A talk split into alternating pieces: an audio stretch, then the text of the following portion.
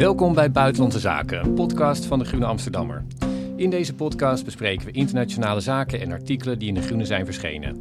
Buitenlandse Zaken verschijnt elke drie weken op groene.nl en op alle bekende podcastkanalen. Ik ben Rutger van der Roeven, buitenlandredacteur van de Groene Amsterdammer en ik maak de podcast vandaag met Eva Hartog, onze voormalige medewerker in Moskou en nog even onze columnist. En met mijn mederedacteur Casper Thomas. Welkom. Dank je. Fijn hier te zijn. Ja, we zijn even uit de lucht geweest vanwege vakantie, verlof en uitzetting uit Rusland. Althans, ik had de vakantie, Casper het verlof en Eva werd uitgezet. Dus we hebben aardig wat om in te halen vandaag. En er gebeurde ook heel wat in de wereld deze zomer, terwijl we weg waren. Maar we zijn terug en we gaan elke drie weken weer buitenlandse zaken voor u maken. Later in de uitzending ga ik met Casper praten over de Verenigde Staten en we kunnen niet heen om het verhaal van deze zomer vanuit de VS, namelijk de barrage aan rechtszaken tegen de voormalige president Donald Trump en over wat dat betekent voor de verkiezingen van volgend jaar. We gaan het ook hebben over de uitbreiding van de BRICS, een internationale organisatie van grote niet-westerse landen. Die vindt dat de wereld wel wat eerlijker kan.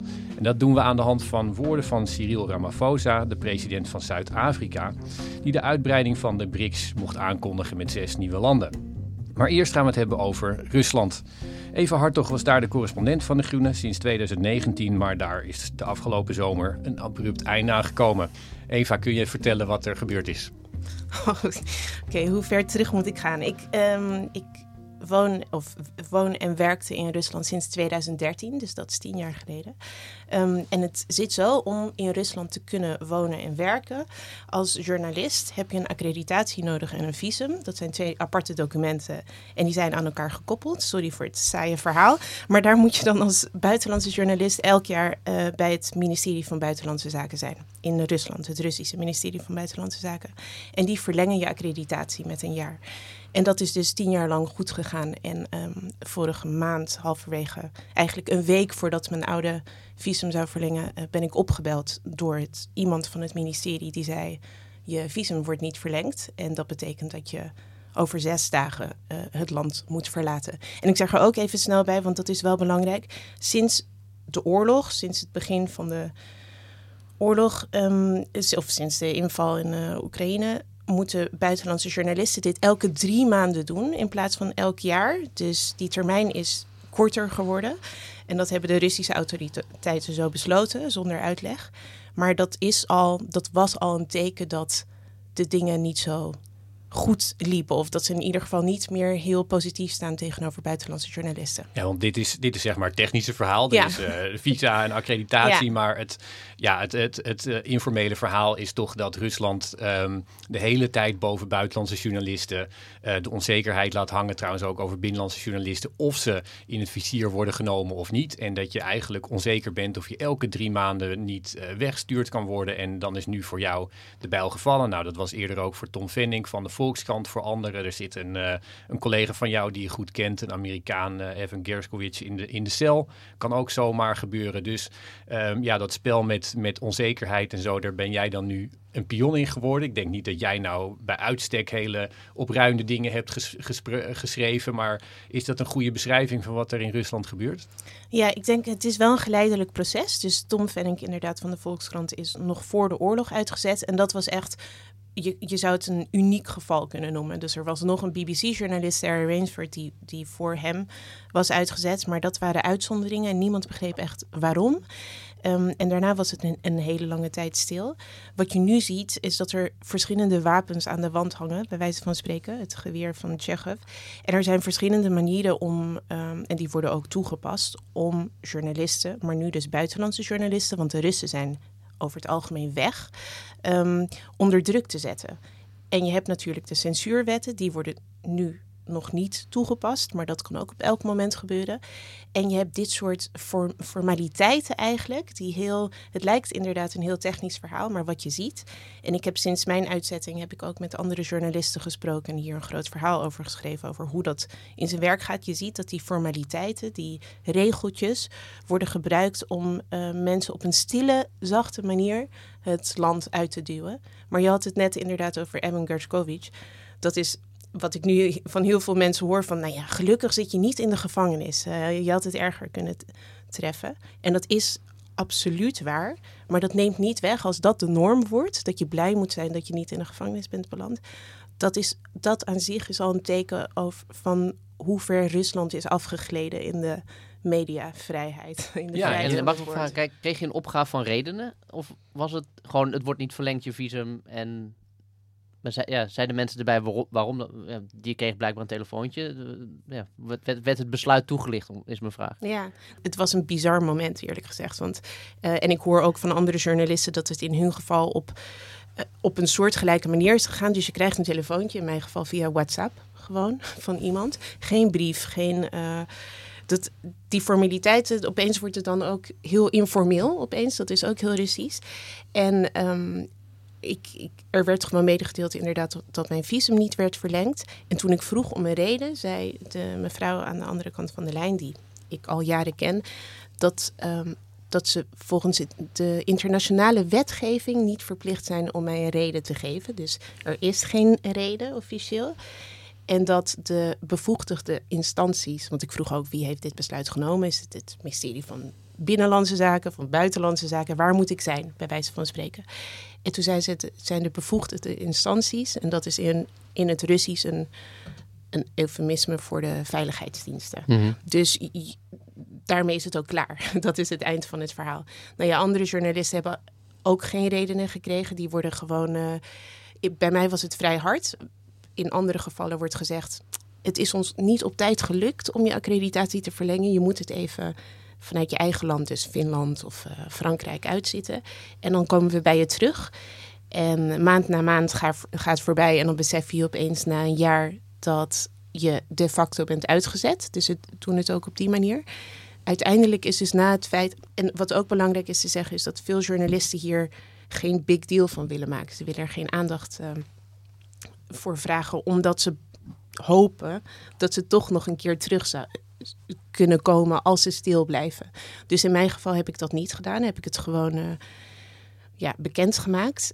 En toen ik dat deed, daar zijn de Russische autoriteiten natuurlijk niet blij mee. Toen ik dat deed, heeft een woordvoerder van uh, het ministerie van Buitenlandse Zaken, de woordvoerster Maria Zakharova, gezegd dat dit een reactie is op Europese sancties tegen Russische journalisten in uh, Russische media. Dus ze zei: Russische media er is een terreurregime tegen, tegenover Russische media in de EU. En gezien die context zou niemand verbaasd moeten zijn dat een, een Nederlandse burger, dat Eva Hartog geen visumverlenging, dat is dan ook weer zo'n term, heeft gekregen. Nou ja, goed, kan, uh, deze podcast is te kort om in te gaan op de verschillen tussen Russische journalisten in de EU of in Nederland en uh, mijn geval. Dus het, het is een vergelijking die gewoon niet opgaat, die niet werkt. Maar dat wordt dus gebruikt als een van de redenen. De onderliggende reden is politiek natuurlijk. Het gaat om. Ja, net een beetje psychologische podcast worden daar misschien van. Maar ik heb toch het, zou het voor je, maakt het voor je uit? Vind je het frustrerend om niet, zou je het prettiger vinden als, het, als iemand zou zeggen, ja, dat stuk of die paragraaf, dat, dat, dat pikken we niet. En daar heb je, ja, is dat voor jezelf, vind je, vind je het belangrijk eigenlijk wat de reden was? Wat ik het belangrijkst vond, was om uitsluitsel te hebben. Dus de andere journalisten die ik heb gesproken voor mijn stuk, die hebben in heel veel gevallen maandenlang niks gezegd, of in sommige gevallen meer dan een jaar, omdat ze inderdaad dachten: oh, het gaat om een technische fout. Ik krijg zo meteen mijn papiertje en dan kan ik terug. Dus dat soort limbo is mij bespaard omdat het gewoon heel duidelijk werd gemaakt dat dit het einde was. Waardoor ik dus ook naar buiten kon komen met die informatie. Ik denk dat dat het allerbelangrijkste is. De specifieke reden. Kijk, ik kan in die tien jaar in Rusland, uh, als ik nu terugkijk, genoeg momenten vinden die je zou kunnen gebruiken om mij niet als een uh, soort van enorme vriend van Rusland te, te beschouwen. Maar ik denk dat ook de afgelopen zes maanden, dus ik ben zes maanden geleden teruggegaan naar Rusland. Ik heb de afgelopen zes maanden gewoon mijn werk gedaan uh, als onafhankelijke journalist. En volgens mij was dat niet de bedoeling. En jij zei net, uh, je schrijft geen superkritische stuk, stukken, dat is misschien waar. Maar die columns bijvoorbeeld in De Groene, ik denk dat ze niet hebben meegeholpen. In de zin dat wat je ziet, ook bij de andere journalisten die ik heb gesproken, die kunnen allemaal een stuk opnoemen. Een stuk over de buitenlandse minister Sergei Lavrov, een interview met Sagarova, uh, iets anders. Dus andere mensen hebben wel een idee van een specifiek stuk. Ik heb dat niet.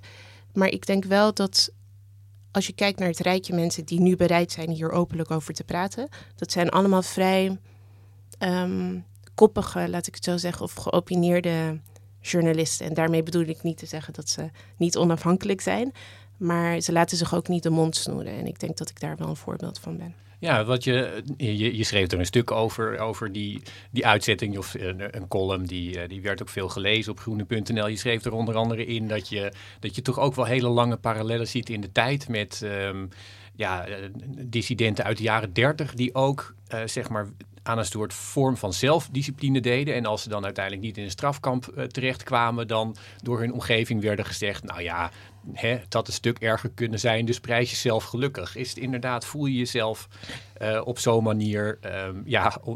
Um, in een lange traditie staan in Rusland. En die uh, ja, toch een, een, een, slachtoffer van, van iets wat een hele lange geschiedenis in, in Rusland heeft. Oh god, ik ben dus door de woordvoerster van het ministerie van Buitenlandse Zaken vanwege die column in De Groene beschuldigd dat er, ervan beschuldigd dat ik mezelf vergelijk met Asip Mandelstam, met de dichter Mandelstam, omdat die in mijn column voorkomt, wat niet het geval is. Dus nee, ik denk dat het uh, dat ik ben geen slachtoffer van repressie, zo zie ik het helemaal niet. Uh, ik heb een Nederlands paspoort, ik kan gewoon terugkomen naar Nederland. Ik ben inderdaad niet in de gevangenis beland of in een kamp. Maar het is wel zo dat dit natuurlijk een, inderdaad iets is wat zich in de geschiedenis, Russische geschiedenis, heeft herhaald. En telkens wordt herhaald. Dat mensen die voor onafhankelijke denkers, schrijvers, wat dan ook, blijkt dus geen, weer geen plek te zijn in Rusland. En dat heeft natuurlijk. Uh, het is niet moeilijk om de parallel te trekken met de Sovjet-tijd, inderdaad. Tja, nou ja, goed. Ik, uh, ik moet zeggen, persoonlijk ben ik, uh, ben ik, ben ik blij dat je, dat je veilig in Nederland uh, terug bent. Toen je terugging naar, naar Rusland, toen maakte ik me daar toch wel zorgen over. Maar ja, toch heel jammer dat het ehm, op deze manier is, is af, afgelopen. Als we kijken naar de afgelopen zomer, ja, veel, veel gebeurd. Ehm, er is natuurlijk het offensief van Oekraïne, maar in Rusland was dat een nogal wilde zomer met eerst de muiterij van Prigozhin, daarna de, uh, ja, dat zeg maar de verplaatsing van Wagner naar, uh, naar Belarus. En uh, twee maanden na die muiterij um, de dood van, van Prigozhin. Het heeft niet zoveel zin om te, te speculeren wie het nou was. Het is belangrijker dat iedereen ervan uitgaat dat het een afrekening was van, van Poetin met, met Prigozhin. En zo, zo landt het ook in Rusland. Kun je uitleggen hoe daar, hoe de Russische, hoe daar in Rusland op wordt gereageerd? Hoe met name, laten we beginnen bij de, bij de elite. Daar was Prigozhin toch ook een, een deel van. Hoe is dat daar gevallen?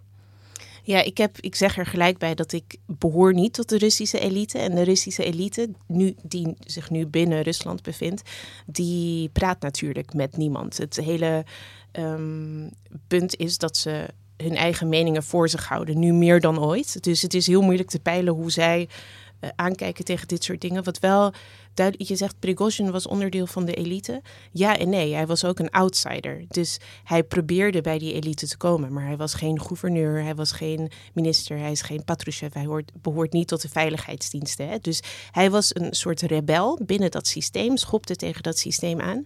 En ik denk dat, um, dat je zou kunnen zeggen dat een deel van de elite nu rustig kan uitademen, omdat Prigozhins hele bestaan voort, voortbestaan na die muiterij was een schok voor het systeem. Niemand begreep hoe het zo goed voor hem had kunnen aflopen. Hij was een dead man walking, schrijf ik ook in mijn column. En dat, dat dereguleerde, dat destabiliseerde het systeem eigenlijk meer dan zijn dood. Dit klinkt heel hard, maar ik denk dat veel, uh, vooral de elite er zo naar keek. Hoe kan iemand wegkomen met uh, wat Prigozhin dus heeft gedaan? Voor, dus dat is een deel van de reactie.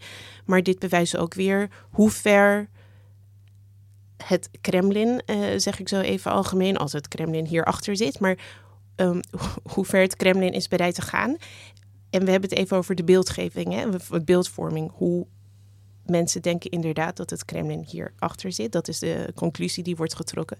En het belangrijkste daarin is dat Poetin had, zou je kunnen zeggen, zijn woord gegeven dat het goed zat. Dus nadat Poetin Prigozhin op tv een verrader, een, uh, landverrader had genoemd, leek het alsof hij ook weer zaken ging doen met Prigozhin. Prigozhin mocht in het Kremlin komen. Prigozhin mocht bij de Afrika-top in Sint-Petersburg zijn, handjes schudden met mensen. Dus het, Poetin had alsof zijn zegen gegeven of gezegd van het is goed zo. En dan blijkt het dat het niet goed is. En dat je gewoon uit de lucht geblazen kan worden. En dat, denk ik, is ook een schok voor de elite in de zin van... wat betekent Poetins woord nog? En er is de afgelopen weken heel veel gezegd over het feit dat Rusland nu dit een teken is... dat Rusland een maffia-staat is, een maffia-state. En als we daar even van uitgaan, dan is de, het, het woord van de baas in zo'n maffia-state, dat is de erecode. Als de baas zegt dat het oké is, dan moet je daarvan kunnen uitgaan. En het blijkt dus dat dat niet zo is. En dit zie je dus ook terug op staatstelevisie. Dat de echte propagandisten zoals Salavjov bijvoorbeeld zeggen... Poetin kan hier niet achter zitten, want Poetin is niet iemand die zijn woord schendt. Als hij jou eenmaal zijn woord heeft gegeven, dan, uh, dan kan je daar op rekenen. Dus ze probeerden dat imago, die imago-schade eigenlijk, uh, nu te fixen door uh, te zeggen: nee, de, je kan echt op Poetin vertrouwen, zeg maar. Ja, dat zijn zeg maar de, de, informele regels van een, van een maffiastaat en, en de logica waar je op moet kunnen vertrouwen als je deel van de inner circle bent. Maar er is ook dat verhaal van um, nou, die, die façade waar Poetin heel veel energie in heeft gestoken om op te tuigen dat zijn land um, ja, toch ook een democratie was, anders dan, uh, dan Washington misschien wilde, maar gewoon allerlei instituties had. Je kon naar de rechtbank, uh, er was een, uh, een, een, parlement enzovoort. En dat is toch nu vrij, vrij helder ontmaskerd als gewoon, ja, dit is, een, dit is een autoritaire staat en je moet er niet mee, mee rommelen en dan ga je eraan. Dus er is toch ook, lijkt me, heel veel weggegooid aan, aan zeg maar pretentie en aan, aan um, vernislaag. Uh, wordt dat in, in Rusland ook zo gezien als een, uh, ja, toch... Uh, dat, dat, er ook, dat er ook bitterheid is over hoe, ja, hoe, hoe snel dat, dat weggetrokken is of niet? Ik denk dat dit is een geleidelijk proces hè, waar je het over hebt. Dus die twee werelden, die informele wereld en de formele wereld, de façade en hoe het echt zit, dat is hoe Alexander Baunov, een Russische uh, journalist, uh, analist, erover schrijft in volgens mij de Wall Street Journal. Heeft hij heeft hier een goed stuk over geschreven. De, het, hoe het echt zit, dat is de manier waarop de Rus over het algemeen denkt. Dus um, je gaat inderdaad naar de rechtbank of je doet mee aan verkiezingen. En dan iedereen gaat er eigenlijk al heel lang van uit dat hoe het echt zit heel anders is dan wat je wordt verteld ook door je president. Dus in dat opzicht is het geen desillusie. Is het gewoon, je komt dichter bij de waarheid die je altijd al ergens kende of uh, die je altijd vermoedde. Dit zijn wel mensen voor een groot deel die in de Sovjet-Unie zijn opgegroeid hè, en die de Sovjet-Unie kennen. Dus die zijn met die soort van schizofrene ambivalentie uh, heel goed bekend. Dit is niets nieuws. En heel veel Russen hechten ook niet per se heel veel waarde aan die formele instituten waar jij het net had. Dus in dat opzicht is het geen desillusie. Ik denk waar heel veel Russen wel bang uh, voor zijn, is het gevoel van onstabiliteit wat dit teweeg brengt. Want het is één ding om je grootste, of niet eens grootste vijand, om een vijand uit de lucht te blazen. Maar wat los je daarmee op? Dat is de vraag. En wat denk ik Prigozhin's muiterij heel goed heeft blootgelegd, is hoe passief Russen daarop reageerden. Hoe ze eigenlijk passief en tegelijkertijd ook wel verwelkomend eigenlijk, zonder er aan bij te dragen. Maar online, als je keek, waren mensen, maakten mensen grappen. Um, mensen maakten zich, waren niet per se tegen wat hij deed. Omdat ik denk dat heel veel Russen, in ieder geval de Russen die ik spreek, passief zitten te wachten op een soort van redder. Van ze vinden deze situatie niet fijn, ze zijn niet blij met de oorlog, weten niet op welke manier ze nog iets kunnen bijsturen en zitten te wachten tot iemand die iemand langskomt die het gaat oplossen. En Prigozhin was zo'n figuur. En nu is Prigozhin weg, maar de problemen natuurlijk niet. Dus um, ik denk dat die angst en een angst voor een gewelddadig uh, conflict binnen Rusland, hè, de angst voor een burgeroorlog, zeg ik maar zo heel algemeen, die neemt alleen maar toe. ik, heb, ik, heb, nog wel een vraag daarop voortbouwend, want toen die muiterij plaatsvond, was het een, dominante analyse van... kijk, dit laat zien hoe, hoe zwak het regime van Poetin eigenlijk is. En hij kon zomaar optrekken naar Moskou en hij werd niet echt tegengehouden. Als hij had gewild, had hij die, diezelfde avond nog op het, op het Rode Plein gestaan. Nu zitten we inderdaad nog twee maanden later en, en is het volgens mij weer omgedraaid. En is het, het laat zien dat, uh, hoe, hoe, hoe, sterk, hoe stevig Poetin in het zadel zit. Want uh, uh, wie, wie zich inderdaad tegen hem keert, die eindigt, daar loopt het slecht mee af. En misschien dat we over drie maanden weer wat. Dus je merkt dat het, het, het tennis nogal heen en weer. Wat, moeten we hier überhaupt dit soort, dit soort lessen uit gaan trekken? Uh, over de stabiliteit van, van het Poetin-regime uh, is de eerste vraag. En de tweede vraag is, als we dat doen, wat, wat zou dan nu tot nu toe dan samengevat de les zijn? Ik vind dat een hele goede vraag. En nu ga ik gelijk mijn eigen column pluggen van, van deze week. Want die gaat daarover. Ik, ik had... Ik, je hebt dezelfde soort van bijna irritatie, omdat het inderdaad heel erg heen en weer schommelt. En eigenlijk, je hebt twee kampen, nee, drie kampen. Je hebt de mensen die uh, zeggen dat Poetin hier sterker uh, uit is gekomen. Je hebt de mensen die zeggen, nee, dit toont juist hoe, aan hoe zwak hij is. Want als hij sterk in zijn schoenen had gestaan, dan kan je zo iemand ook gewoon berechten. Prigozhin heb ik het over. Dan heb je een derde groep die zeggen, misschien is Prigozhin helemaal niet dood. Die, de die Elvis-theorie. die die hele discussie proberen te ontlopen. Volgens mij, mijn persoonlijke analyse is dat het allebei waar is. Dus ik denk dat dit aantoont dat Poetin nog genoeg macht heeft uh, om in ieder geval de indruk te wekken, laten we het zo zeggen. Want ik ga hem hier niet zitten te beschuldigen van, van moord, maar om um, zichzelf neer te zetten als een soort van almachtige leider. En dat hij dat, dat, dat met steeds meer geweld gebeurt, om dat imago in stand te houden. Je zou dat kunnen interpreteren, je zou dat kunnen zien als kracht. Lukashenko doet dit ook in Belarus bijvoorbeeld. Tegelijkertijd zien wij Lukashenko als een hele sterke leider. Dat weet je niet, want je weet niet hoe, uh, hoe breed de steun is, de grassroots steun voor zo iemand. En ik denk eigenlijk de enige conclusie die ik trek uit deze zomer is dat Russen, wat ik daarvoor al zei, over het algemeen dit allemaal passief aanschouwen als een uh, nogal slechte actiefilm.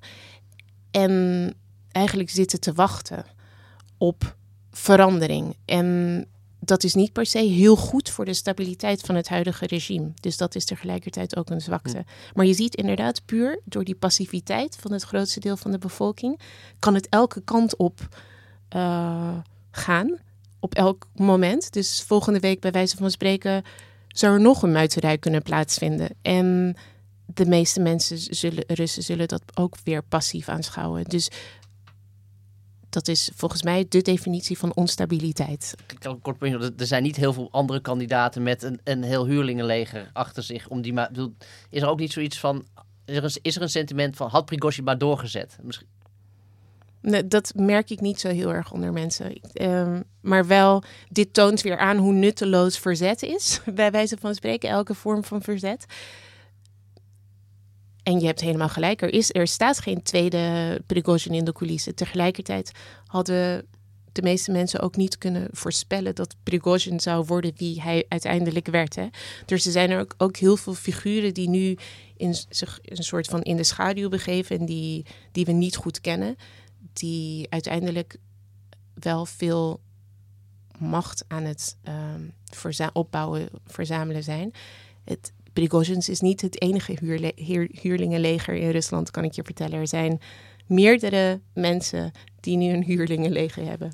ik weet niet of dat je geruststelt. Uh, in het leger met persoonlijke loyaliteit van zijn soldaten. Maar wat jij net vertelde, schetste, was ook dat zo een, een elite die eigenlijk um, in verwarring is over wat de, de huidige of wat de juiste boodschap is. En zit te kijken van wat is het, uh, de lijn die we moeten aanhouden. En volgens mij was, in, uh, was een van de dingen die Poetin toch ook succesvol had gedaan, was dat hij een soort uh, pluraliteit toestond van meningen en, en kritiek op een bepaalde manier of verschillende meningen toestond. Maar hij heeft tegelijkertijd met het, um, het ja goed, het, hè, tegelijkertijd dat, dat Prigozhin uit de, uit de lucht werd um, geschoten, werd ook de Uh, Strelkov, een, een bekende rechts, uh, rechtsextremistische uh, blogger en veroordeelde voor de, de moord op 200 Nederlanders in de MH17, die werd um, ook in de cel gegooid als, als helder signaal van ook die, ja, die, die extreemrechtse kritiek, die wordt niet meer geduld. Dus het lijkt alsof toch als je er van afstandje in ieder geval naar kijkt, alsof het een land is waar de, de marges behoorlijk klein zijn geworden voor ja, uitspreken tegen wat dan ook de juiste lijn is. En dat iedereen toch wel zenuwachtig zit te kijken van, ja, wat is die, die lijn precies? Ja, ja ik, ook het begrip uh, wie de vijand is, of de, die vraag, dat staat ook niet stil. Dat heeft ook een bepaalde momentum en bepaald momentum. En dat zie je al ook al jaren. Dat breidt zich steeds verder uit, dat verdiept zich steeds meer. Dus je had de Navalny is bijvoorbeeld het soort van uh, de, het archetype van de vijand. Dus te liberaal, te progressief, anti-Poetin. Maar nu wat je ziet is dat dat zich als een soort van olievlek inderdaad uitbreidt naar andere groepen. Naar inderdaad ook ultrapatriotistische Russen, zoals Girkin of uh, Strelkov, zoals hij ook soms wordt genoemd. Of Prigozhin of Suravikin, die generaal, die, um, daar zien we ook niet veel van de afgelopen tijd. Dus um, die worden ook in het gareel gehouden. En de boodschap, als je als we zoeken naar een, simpele boodschap, is dat uiteindelijk loyaliteit naar de leider, het huidige leiderschap, belangrijker is dan of de oorlog wordt gewonnen, of het Russische leger uh, efficiënt is, goed werkt, uh, goed zijn werk doet. Al die dingen zijn secundair. Dus als jij komt met kritiek op het huidige leiderschap, dan ben je per definitie een vijand. Of je aan de rechtse kant zit, inderdaad, ultra-patriotistische kant of um, tot de liberalen behoort. Dus dat wordt nu allemaal op één hoop gegooid. En uh, ja, dat, zie je inderdaad, dat, dat, dat ze nu zijn overgestapt tot, uh, tot een groep waarvan je het van tevoren niet per se had kunnen verwachten, eigenlijk had kunnen vermoeden. En ook heel belangrijk, de presidentiële verkiezingen komen eraan. Hè? Dus Poetin wil niet worden upstaged, zoals ze dat noemen, door iemand die nog meer van Rusland houdt, die nog patriotistischer is. Nee, Poetin staat, Poetin is de belichaming van Rusland. en uh, niemand mag aan die positie komen, niemand mag daar een. Uh, hij, hij kan daar geen deuk in oplopen. Dus dan moet iedereen die dat ook maar op een kleine manier uh, bedreigt of daar. Ja, dat, daar, die moet weg, eigenlijk zo zo vindt dat, dat is wat er nu gebeurt. Dat is het proces wat nu plaatsvindt. Ja, nou, dat is in, in die zin een efficiënte zomer geweest. nou, um, Jij bent nog, uh, nog eventjes bij ons columnist, maar dat, uh, dat moet jammer genoeg ophouden. Lezers die kunnen jou uh, blijven lezen bij Politico, waar je ehm, eh, blijft schrijven over buitenland. Maar gelukkig wil je hier blijven komen, dus in buitenlandse zaken blijft even hartig nog komen. Het feit dat je, dat je naar Amsterdam bent gekomen betekent wel dat je, zoals veel Amsterdammers, op zoek bent naar een woning. Dus luisteraars van buitenlandse zaken. Als jullie een uh, woning te huur hebben in, uh, in Amsterdam, mail alsjeblieft naar buitenland.groene.nl. En um, dan krijg je Eva Hartog misschien wel als, uh, als huurder. Um, in ieder geval heel erg bedankt voor je, voor je komst. En we zien je hier um, nou, gelukkig weer heel snel terug. Dankjewel.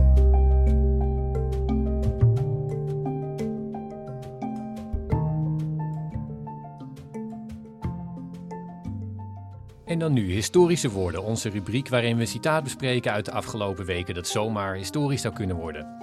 Deze week luisteren we naar de woorden van Cyril Ramaphosa, de president van Zuid-Afrika. Ramaphosa was dit jaar de gastheer van een topontmoeting van de BRICS. Dat is een afkorting van Brazilië, Rusland, India, China en Zuid-Afrika. En dit jaar mocht Ramaphosa op een persconferentie de volgende historische aankondiging doen. We have decided to invite the Argentine Republic the Arab Republic of Egypt, the Federal Democratic Republic of Ethiopia, the Islamic Republic of Iran, the Kingdom of Saudi Arabia, and the United Arab Emirates. To become full members of BRICS Ja, in dit fragment zei uh, Ramaphosa dat er dus uh, dat er zes landen bij komen. Zij zullen lid worden van de, van de BRICS. Dus uh, Saudi-Arabië, de Verenigde Arabische Emiraten, Egypte, um, Ethiopië, Iran. En Argentinië. En ja, dat is historisch, uh, omdat dat een enorme uitbreiding is van de BRICS, van 5 naar 11. Maar het was ook wel opvallend dat uh, in ieder geval de, de westerse media, laten we zeggen Reuters en AP en dergelijke, die uh, tasten echt tot het allerlaatste moment volledig in het duister wat um, Ramaphosa hier zou gaan zeggen en hoeveel landen erbij zouden komen en dergelijke en welke. En um, nou ja, dat werd dus bij deze persconferentie ook geopenbaard. En uh, Ramaphosa die voegt daar ook nog um, andere woorden aan toe en onder meer deze. So that we can have an inclusive dialogue on key issues affecting developing economies and identify actions that we can take together towards a more equitable, inclusive and representative world. Ja, het is um, een prachtige stem. Niet een, uh, het, meest, uh, het meest swingende citaat. In ieder, maar in ieder geval zei Ramaphosa dat deze landen gaan samenwerken om een uh, inclusievere en eerlijkere wereld te gaan maken. Dat is toch een beetje de kernboodschap van, van de BRICS. Casper, hoe luisterde jij naar deze woorden en deze aankondiging? Ja, ik, ik, ik zat eigenlijk die brikstop. Ik denk, ja, toen dat bezig was, ik volgde dat niet echt. Omdat ik dacht, oh goh, ja, dat heb je weer zo'n brikstop. Het is over het algemeen, is het, stelt niet zoveel voor. Het is niet zo belangrijk. En dus ik was heel erg verrast ook uh, dat daar ineens een, uh, dat dat eigenlijk een uitbreidingstop bleek te zijn. Dus dat had ik even gemist. Um, maar ik ben wel blij dat we dat als historische woorden hebben aangemerkt. Want uh, het begrip BRICS is natuurlijk wel, het komt veel voor in, in, in, in buitenlandstukken. Uh, zolang dat begrip bestaat, gaat het er al over. Uh, is, is, dat nou inderdaad een nieuwe machtsfactor, ja of nee? En de afgelopen, uh, ik weet niet even uit mijn hoofd precies hoe lang de, de BRICS samen zijn, weet jij dat? Ja, ik kan je dat allemaal gaan vertellen. Kijk, Kasper. heel goed, mooi, dat mag je zo zeggen.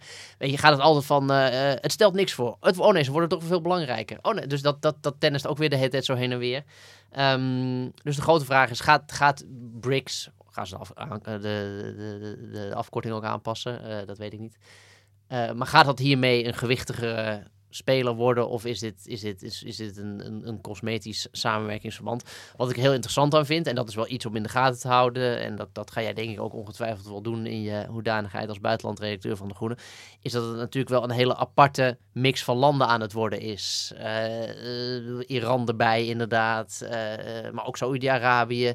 Uh, dus het, is een beetje een. Het, wordt en dan en India met een gekke positie daarin, die toch ook wel graag juist weer met westerse landen wil samenwerken. Maar en India en China bij elkaar zitten. Dus het is een, een mix van, van vrienden en vijanden die samen een, een weet je, als dit de Avengers zijn die je samenbrengt voor, voor een betere wereld, dan zou ik toch eerst wat onderling even de zaak wat beter afstemmen. Ja, nee, het is inderdaad een, ehm, een vreemde club. En het is zo dat, nou ja, die, die uitbreidingsdiscussie die liep al wel een, hele tijd. En het was zo dat er um, twintig landen een, uh, een echte aanvraag hebben, hebben gedaan.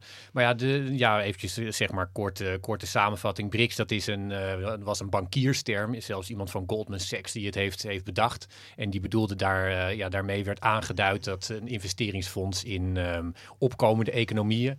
Dat was het begin van deze eeuw uh, uh, werd dat gemunt. En um, vervolgens begonnen die landen ook ja, elkaar soms te zien. Maar uh, vier van de vijf landen die zakten economisch weg na 2010. Alleen China bleef groeien. Dus de BRICS ja, deed eigenlijk aan, daarmee ook aan, aan gewicht wel flink boete daarmee in. Maar um, dat is uh, door onder invloed van de, van de Oekraïne, van de uh, inval van Rusland in Oekraïne, is dat veranderd. Um, het punt is dat, dat China en Rusland die willen graag van de BRICS een, uh, een anti-westerse platform maken. En het heeft erg te maken met het, um, het falen van de VN. In de laatste ja, decennium zou je kunnen zeggen bij de grote crisis die er, die er staan.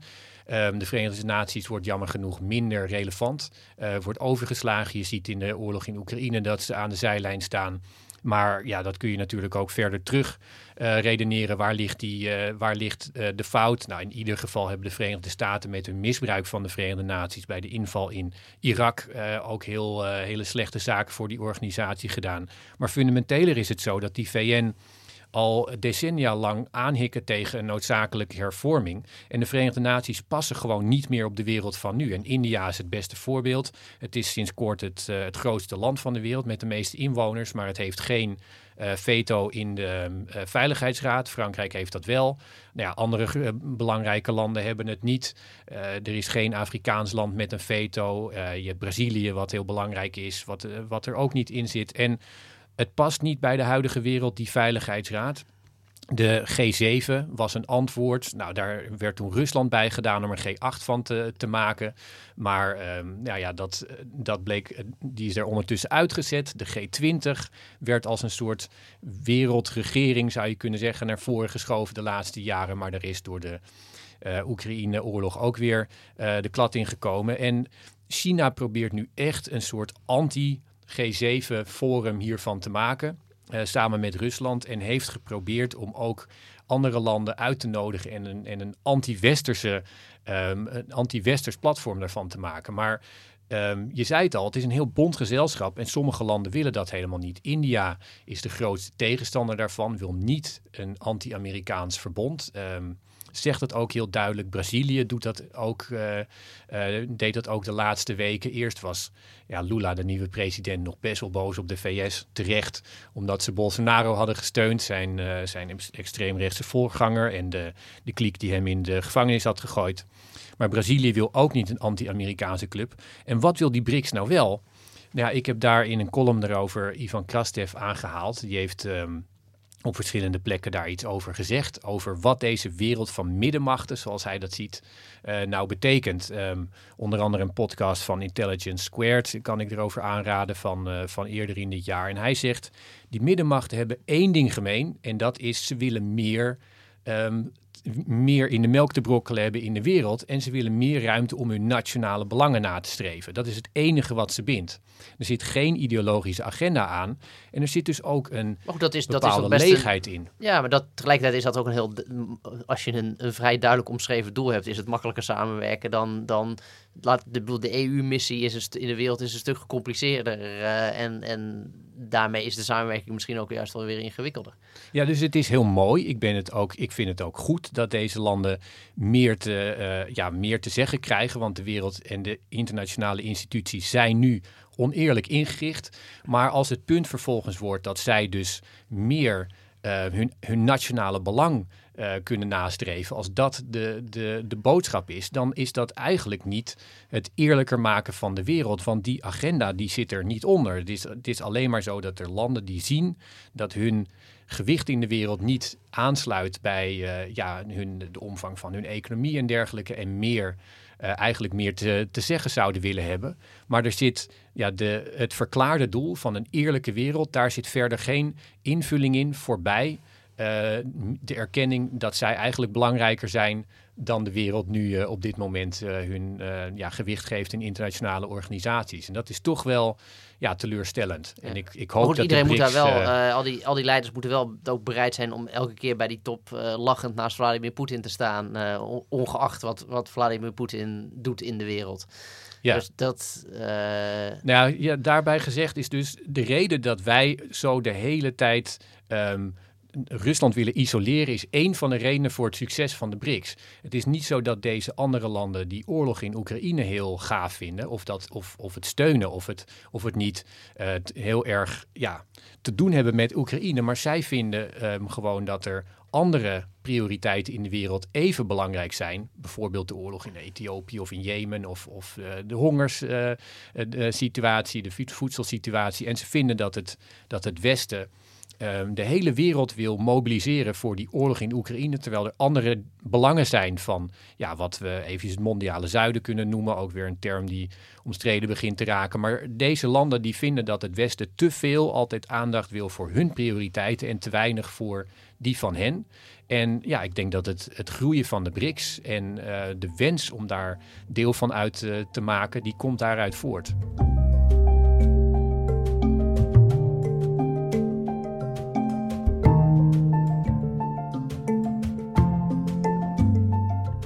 En dan nu de Verenigde Staten. De afgelopen zomer werd de aandacht daar alweer gestolen door de onvermijdelijke Donald Trump. Over de oud-president werd jarenlang geschreven dat er allerlei rechtszaken tegen hem werden voorbereid en boven zijn hoofd hingen. En deze zomer was het dan ook echt raak. De ene na de andere volgde elkaar op. In Georgia staat hij terecht wegens criminele samenswering. In New York vanwege het betalen van zwijgeld en vanwege fraude. En in Washington vanwege het ontvreemden van geheime documenten. En in um, Washington en Michigan vanwege pogingen om de verkiezingen te beïnvloeden. Dus dat is ondertussen een, een aardige, uh, inderdaad, lawine aan rechtszaken. Casper, jij bent oud-correspondent in Washington, auteur van Amerika's Laatste Kans, natuurlijk voormalig co-host van Radio Amerika. Dat misschien wel weer terugkomt als uh, Amerika heel erg in de verkiezingskoorts weer gaat raken. En dat moment is altijd meer nabij dan je denkt. Dus wie weet wordt een blokje buitenlandse zaken op een gegeven moment weer een blokje Radio Amerika. Ja, kunnen we gewoon een, een blokje Radio Amerika inpassen. Loop jij ons eens eventjes door, door deze zomer heen?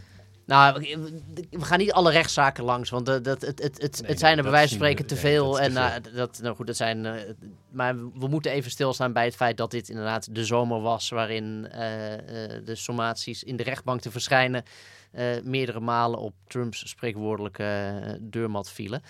Um, en dat was een moment waar, waar het eigenlijk al heel lang over gaat. Die, die, die, die zaken zijn een aantal daarvan al, al jaren in voorbereiding. Ook al die waren, liep de voorbereidingen daarvoor waren al gaande toen hij, eh, toen hij president was. En, en het verzamelen van bewijsmateriaal daarvoor gaat zelfs terug naar voordat hij president was. Dus het is eigenlijk een beetje raar, zou je kunnen zeggen, dat dat nu ineens allemaal samenkomt uh, deze zomer. Blijkbaar was iedereen ineens klaar met zijn, had, had zijn dossier ineens rond. Ja, of zat te wachten tot uh, het eerste schaap over uh, de dijk was. dat heeft hem maar goed. En, en het eerste schot daarvoor is al eigenlijk voor de zomer al gelost. Dat was eigenlijk de eerste. De, de, de eerste de, en dat was een soort uh, dat was die, die, uh, die, die zwijggeldkwestie. Was van, het ijs was gebroken. Blijkbaar kan het. Je mag een. Je, het is oké. Het is te doen om een ex-president uh, voor de rechtbank te roepen. Maar goed, kijk, en, en, dit is een observatie die, die Ross Douthat in de New York Times maakte het is, er, is geen, er is geen sprake van een samenzwering dat, dat, dat al die zaken nu samenkomen en dat daarmee geprobeerd gaat worden om Donald Trump uh, uh, niet op het, vanuit politieke spoor af te duwen en hem uh, eventueel zelfs achter de tralies te zetten, zodat hij geen president kan worden. Kunnen we het zo nog even over hebben in hoeverre dat zelfs zou werken als je dat zou willen doen. Um, maar een, een, een heleboel van deze zaken, wat ik zeg, de, de, het, het delict waar het over gaat, uh, dat is, is allemaal niet echt heel recent. De enige, het enige echt recente uh, delict uh, waar het over gaat, dat zijn die documenten. Dat is iets, iets dus dat, dat is dat, dat, dat. En al die andere dingen, die hadden dus eigenlijk ook misschien al wel veel eerder rond kunnen zijn. Um, maar goed, nogmaals, uh, vrouw Justitia is blind en, en, en heeft ook geen agenda waarmee ze uh, de rechtszaken met andere vrouwen Justitia's afstemt. Uh, dus dit, komt, dit is een soort onvermijdelijke, het is zo'n samenloop van omstandigheden bijna, waar geen, waar geen regie achter zit. Maar wel met als gevolg dat het gewoon heel ongelukkige timing is, vanuit welk perspectief je er ook naar kijkt. Ja, maar hoe jij het nu beschrijft is het eerder zo dat uh, hoewel Donald Trump klaagt dat, hij, dat dit een politieke vervolging is, klinkt het eerder alsof juist um, het, het culmineren van die rechtszaken de hele tijd is uitgesteld omdat hij um, president was en uh, zo'n politiek belangrijk figuur. Nou ja, het, het lastige is als die, als die zaken eerder waar. Er is nu een, laat ik het zo zeggen.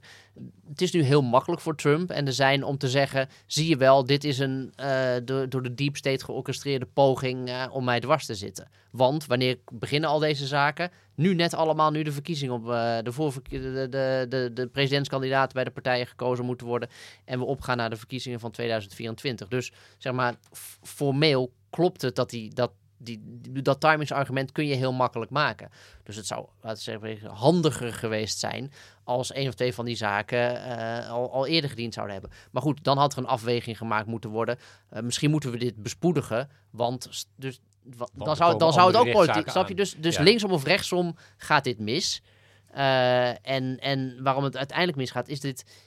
Dit, dit zuigt straks alle aandacht. Dat, dat doet het nu al en dat gaat alleen maar meer worden. Trumps verkiezingscampagne worden deze rechtszaken. De, deze re zeker namen straks meer richting verkiezingen gaan.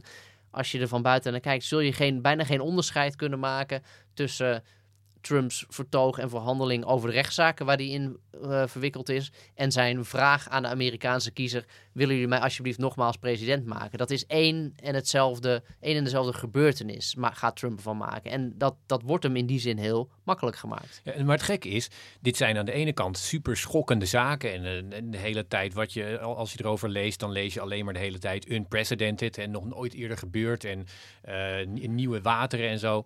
Maar het maakt gewoon niks uit. Ehm, hoeveel rechtszaken er ook komen. En wel, dat is eigenlijk net als met elk schandaal dat er tegen Trump losbarst in de afgelopen vijf jaar.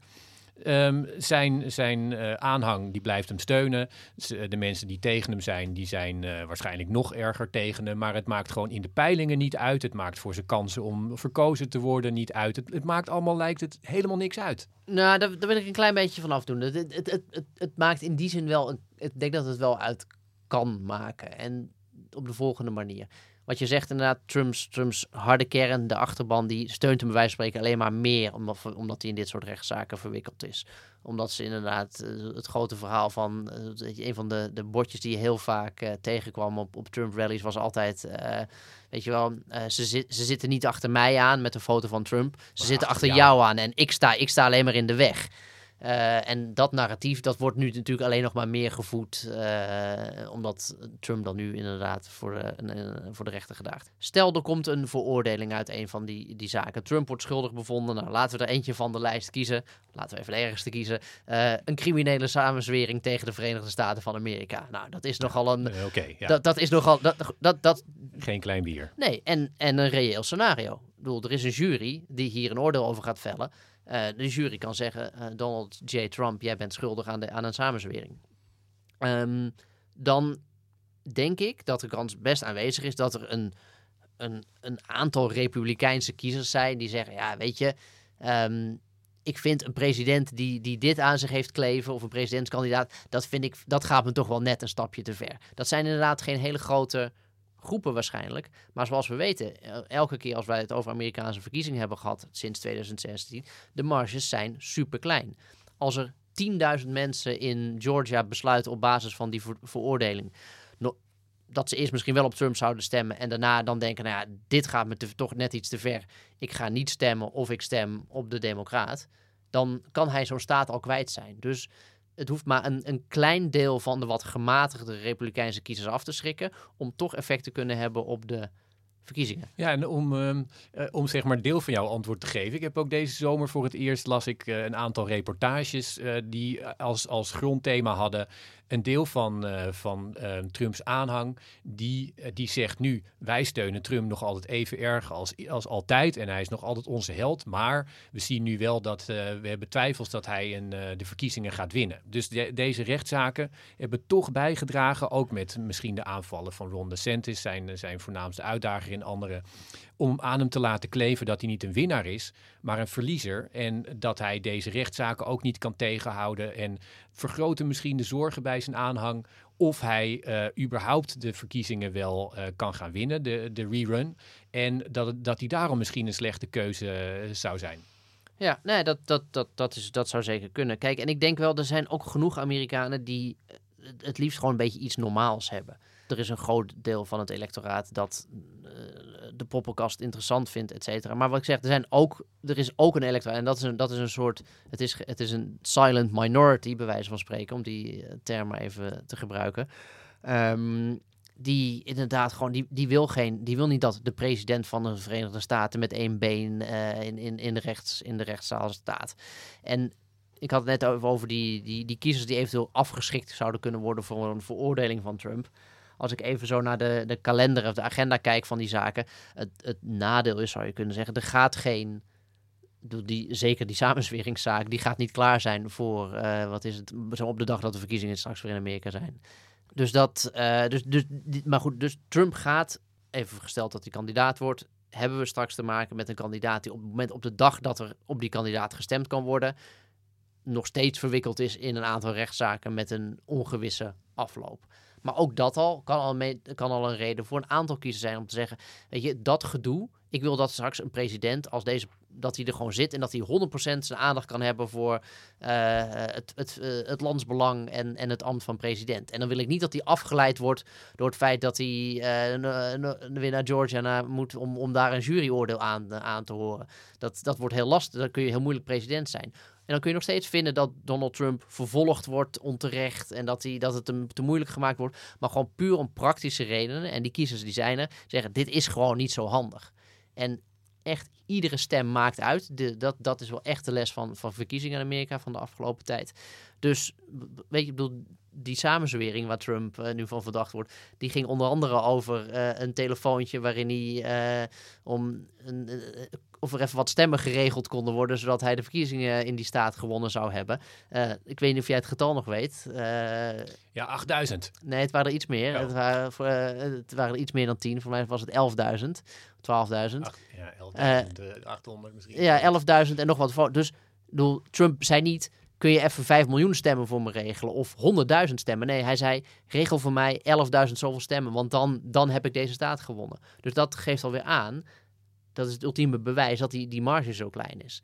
Dus laten we zeggen, als zo'nzelfde aantal, weer die 11.000 in, in Georgia zeggen, oké, weet je, een president eh, met een rechtszaak boven, hoofd, dat hoeft voor mij niet. Dan, dan is dat een staat die naar de democraten gaat. En dat, da- dat kan bepalend zijn voor de uitslag van de verkiezingen. Dus in die zin denk ik wel dat eh, het, het uitmaakt dat die rechtszaken er zijn. Het maakt alleen niet uit voor de trouwe achterban. Maar dat, daar geldt de Fifth Avenue-theorie. Eh, zoals Trump ooit zei, ik kan iemand op klaarlichte dag eh, op Fifth Avenue eh, omleggen en ze zullen nog steeds op me stemmen. Nou, dat klopt. Maar dat is, dat, is, dat is niet per se nieuw. Dat, we weten het. Trump kan voor een deel van zijn achterban alles maken. En als jij, als jij kijkt, eh, vooruitkijkt naar, naar volgend jaar. Je hebt natuurlijk, nu is het dan het moment, zou je kunnen zeggen, waarop de, de campagne een, een, als, als eerste vorm begint te krijgen. Zijn er ideeën, eh, inhoudelijke ideeën die jij ziet naast dat eh, thema van Donald Trump, dat, ja, dat, dat wraakthema van ik ga, ik ga wraak nemen voor wat me wordt aangedaan en jullie wordt aangedaan via de rechtszaken tegen mij. Ehm, zie jij aan de, aan de democratische of republikeinse kant inhoudelijke dingen die worden opgetuigd? Nou, kijk, ik, ik, ik zou zeggen eh, dat het, het, het wraakthema, Trump heeft inderdaad gezegd, I will be your vengeance. Dat, ik, ik word jullie wraak. Eh, dat, dat, dat is op een bepaalde manier is dat een inhoudelijk thema. Maar dan moet je er op de volgende manier naar kijken. Daar hoort een agenda bij. En die wordt ook al, voor mij hebben we dat in deze podcast al wel eens aangestipt. Maar dat, dat is goed om daar nog een keer bij stil te staan er wordt in, in kamp Trump eh, voorbereidend werk gedaan voor wat gaan we doen als wij straks weer aan, aan de macht zijn. Dus er wordt nagedacht over, over, over wetten, over procedures om, en dan vat ik het even simpel samen, eh, eh, het staatsapparaat flink te ontmantelen en daar waar mogelijk, en dat kan heel veel zijn, Trump-loyalisten neer te zetten. Uh, dus het, het, ontmantelen van de Amerikaanse overheid zoals die bestaat, al die instituties, al die commissies die toezien op markten, op milieuwetgeving, al dat soort dingen. Echt een, een, een, een afbraak van uh, de administrative state in Amerika is een, een, soort impliciete verkiezingsbelofte. En ik denk dat die gaandeweg steeds explicieter gaat worden naarmate Trumps campagne meer op stoom komt. Dat is wel degelijk een visie op, op, op Amerika of, of hoe, hoe dat land georganiseerd moet worden. Um, dus eigenlijk krijg je denk ik een beetje verkiezingen waarin je als Amerikaanse kiezer kunt kiezen tussen wel of geen staat. Ja, nou, sterker nog, ik heb in een denk dat ik het een, podcast was van de New York Times of The Economist, maar een, een verslag uh, gehoord van een, journalist die zei: Kijk, vorige keer was eigenlijk iedereen verrast door, uh, door Donald Trumps verkiezing tot president in, in 2016. En hij had eigenlijk geen agenda klaar, behalve dan een aantal leuzen. En vervolgens kreeg hij vier jaar lang een, een super ad hoc beleid. En dat, dat kwam neer op een aanval op de, ja, op, de, op de overheid en de functies van de overheid vaak. Maar um, dat was allemaal vrij ongecoördineerd. En er heeft zich nu een bepaalde uh, kritische massa van mensen verzameld die zeggen: oké, als Donald Trump weer wint, dan willen we een agenda klaar hebben. Waarbij we het hele um, milieuagentschap um, en allerlei, uh, allemaal, allerlei um, uh, takken van de overheid meteen kunnen gaan ontmantelen. En eigenlijk een veel geïntegreerdere agenda hebben die zij Donald Trump willen, willen aandienen.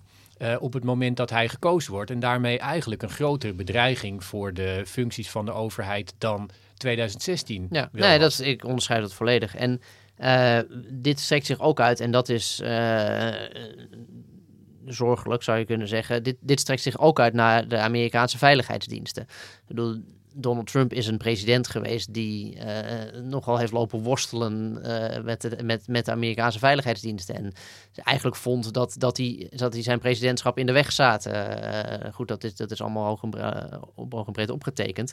Ehm, dus ook de ontmanteling daarvan en, het, en de vervanging, combinatie van vervanging van, van, van, van personeel en ontmanteling van, van die veiligheidsdiensten, is ook iets wat op de agenda staat. En het is niet geheel verzonnen. Hè. Kijk, dat, ehm, mijn, mijn, mijn leestip eh, die ik meeneem uit deze zomer, eh, van spreken op het strand. Ik lag niet echt op het strand, maar goed voor de, voor de beeldspraak. Ehm, heb ik de, de, de biografie, nieuwe biografie van eh, J. Edgar Hoover, de, de oprichter van de, van de FBI, gelezen. Het boek heet G-Man. Eh, en het is een hele lezenswaardige eh, biografie. De, Hoover is, is vaak gebiografeerd. Is dat een werkwoord? Nou goed, in ieder geval. Er zijn vele biografieën over, over hem geschreven. Denk je, moet er daar nog één bij? Dit is een hele interessant, omdat hij heel erg ingaat op de, op de, op de psyche van de man, eh, op zijn relatie met zijn vader. Nou, goed, het is, het, de, de details doen er even niet zo heel veel toe voor het punt wat ik wil maken. Ehm, want wat dat ook laat zien, is dat de, de, de macht van, laten we zeggen, de continuïteit in het Amerikaanse systeem, eh, inderdaad de veiligheidsdiensten, eh, het milieuagentschap, eh, de markttoezichthouders, ook de Federal Reserve, al dat, al dat soort dingen. Die zijn, die zijn echt best wel heel sterk. En die, die, die kapselen dat wat een president kan doen, toch ook echt wel behoorlijk in. Dat komt deels door consensus, politieke consensus, dat die instituties er nou nu eenmaal zijn en dat die goed zijn en dat die eh, goede dingen doen voor de Verenigde Staten. En Trump is eigenlijk de eerste president geweest die heeft gebroken met dat model. En heeft gezegd, ja, dit, dit, dit, dit, dit, dit werkt voor mij niet. Ik wil helemaal niet bezig zijn met een... Ik wil gewoon per decreet kunnen regeren en, en, en aan alle touwtjes kunnen trekken. En daarmee wordt, en dat is een terugkerend thema, maar het wordt alleen maar sterker, wordt de inzet van de Amerikaanse democratie en de inrichting daarvan wordt een groot thema van de komende verkiezingen in de VS. En, eh, en aan de democratische kant, als jullie niet ehm chaos willen, dan stemmen jullie gewoon weer op, eh op old Joe Biden. Nou ja, dat is een belangrijk argument dat ze eh, aan de kiezers zullen voorleggen. En ik, ik denk dat er veel kiezers die daarvoor eh, gevoelig zullen zijn. En dat ook kan verklaren waarom je met een inderdaad toch wel een wat moeilijke kandidaat zoals Biden, gezien zijn leeftijd en ja, toch weer weg kunt komen, om, om het maar even zo te zeggen. Ehm, om mensen inderdaad, ik bedoel, liever Sleepy Joe dan, dan, dan, dan de chaos van Trump. Tja, nou ja, goed. Laten we het eh, scherp in de gaten houden, Casper. Vooropgesteld dat deze twee heren eh, inderdaad straks op, allebei inderdaad op de ballot staan. Dat is, dat, is nog een, dat is nog formeel nog een if natuurlijk. Er moet nog... eh, A, moet iedereen het nog halen in goede gezondheid en welzijn. En zonder eh, eh, gevangenisstraffen en dat soort dingen. Maar ik denk dat we eh, rustig kunnen gaan bewegen richting de conclusie dat het een rematch tussen Trump en Biden wordt. Tja, nou, ehm, laten we toch, toch kijken. Misschien komt er nog een, een anti-Trump uit, uit de mouw en een ander dan, dan Ron DeSantis. Maar ehm, tja, ik denk inderdaad dat als je nu je wijn ergens op moet zetten, dan is dat jammer genoeg de, de logische keuze. Ja. Dankjewel. Dit was Buitenlandse Zaken, een podcast van de Groene Amsterdammer. Je hoorde Eva Hartog, Casper Thomas en Rutger van der Roeven vanuit Amsterdam. De podcast werd gemaakt door Giselle Mijndief. Je vindt ons in het algemene podcastkanaal van de Groene Amsterdammer, maar je doet ons een groot plezier als je je abonneert op ons eigen kanaal Buitenlandse Zaken dat je onder die naam kunt vinden in je podcast-app. Als je de notificaties aanzet, mis je nooit een uitzending. Meer buitenland kunt u vinden in ons weekblad en op de website. Dank voor het luisteren. En als u meer van ons wil lezen of abonnee worden van de Groene Amsterdammer, ga dan naar www.groene.nl.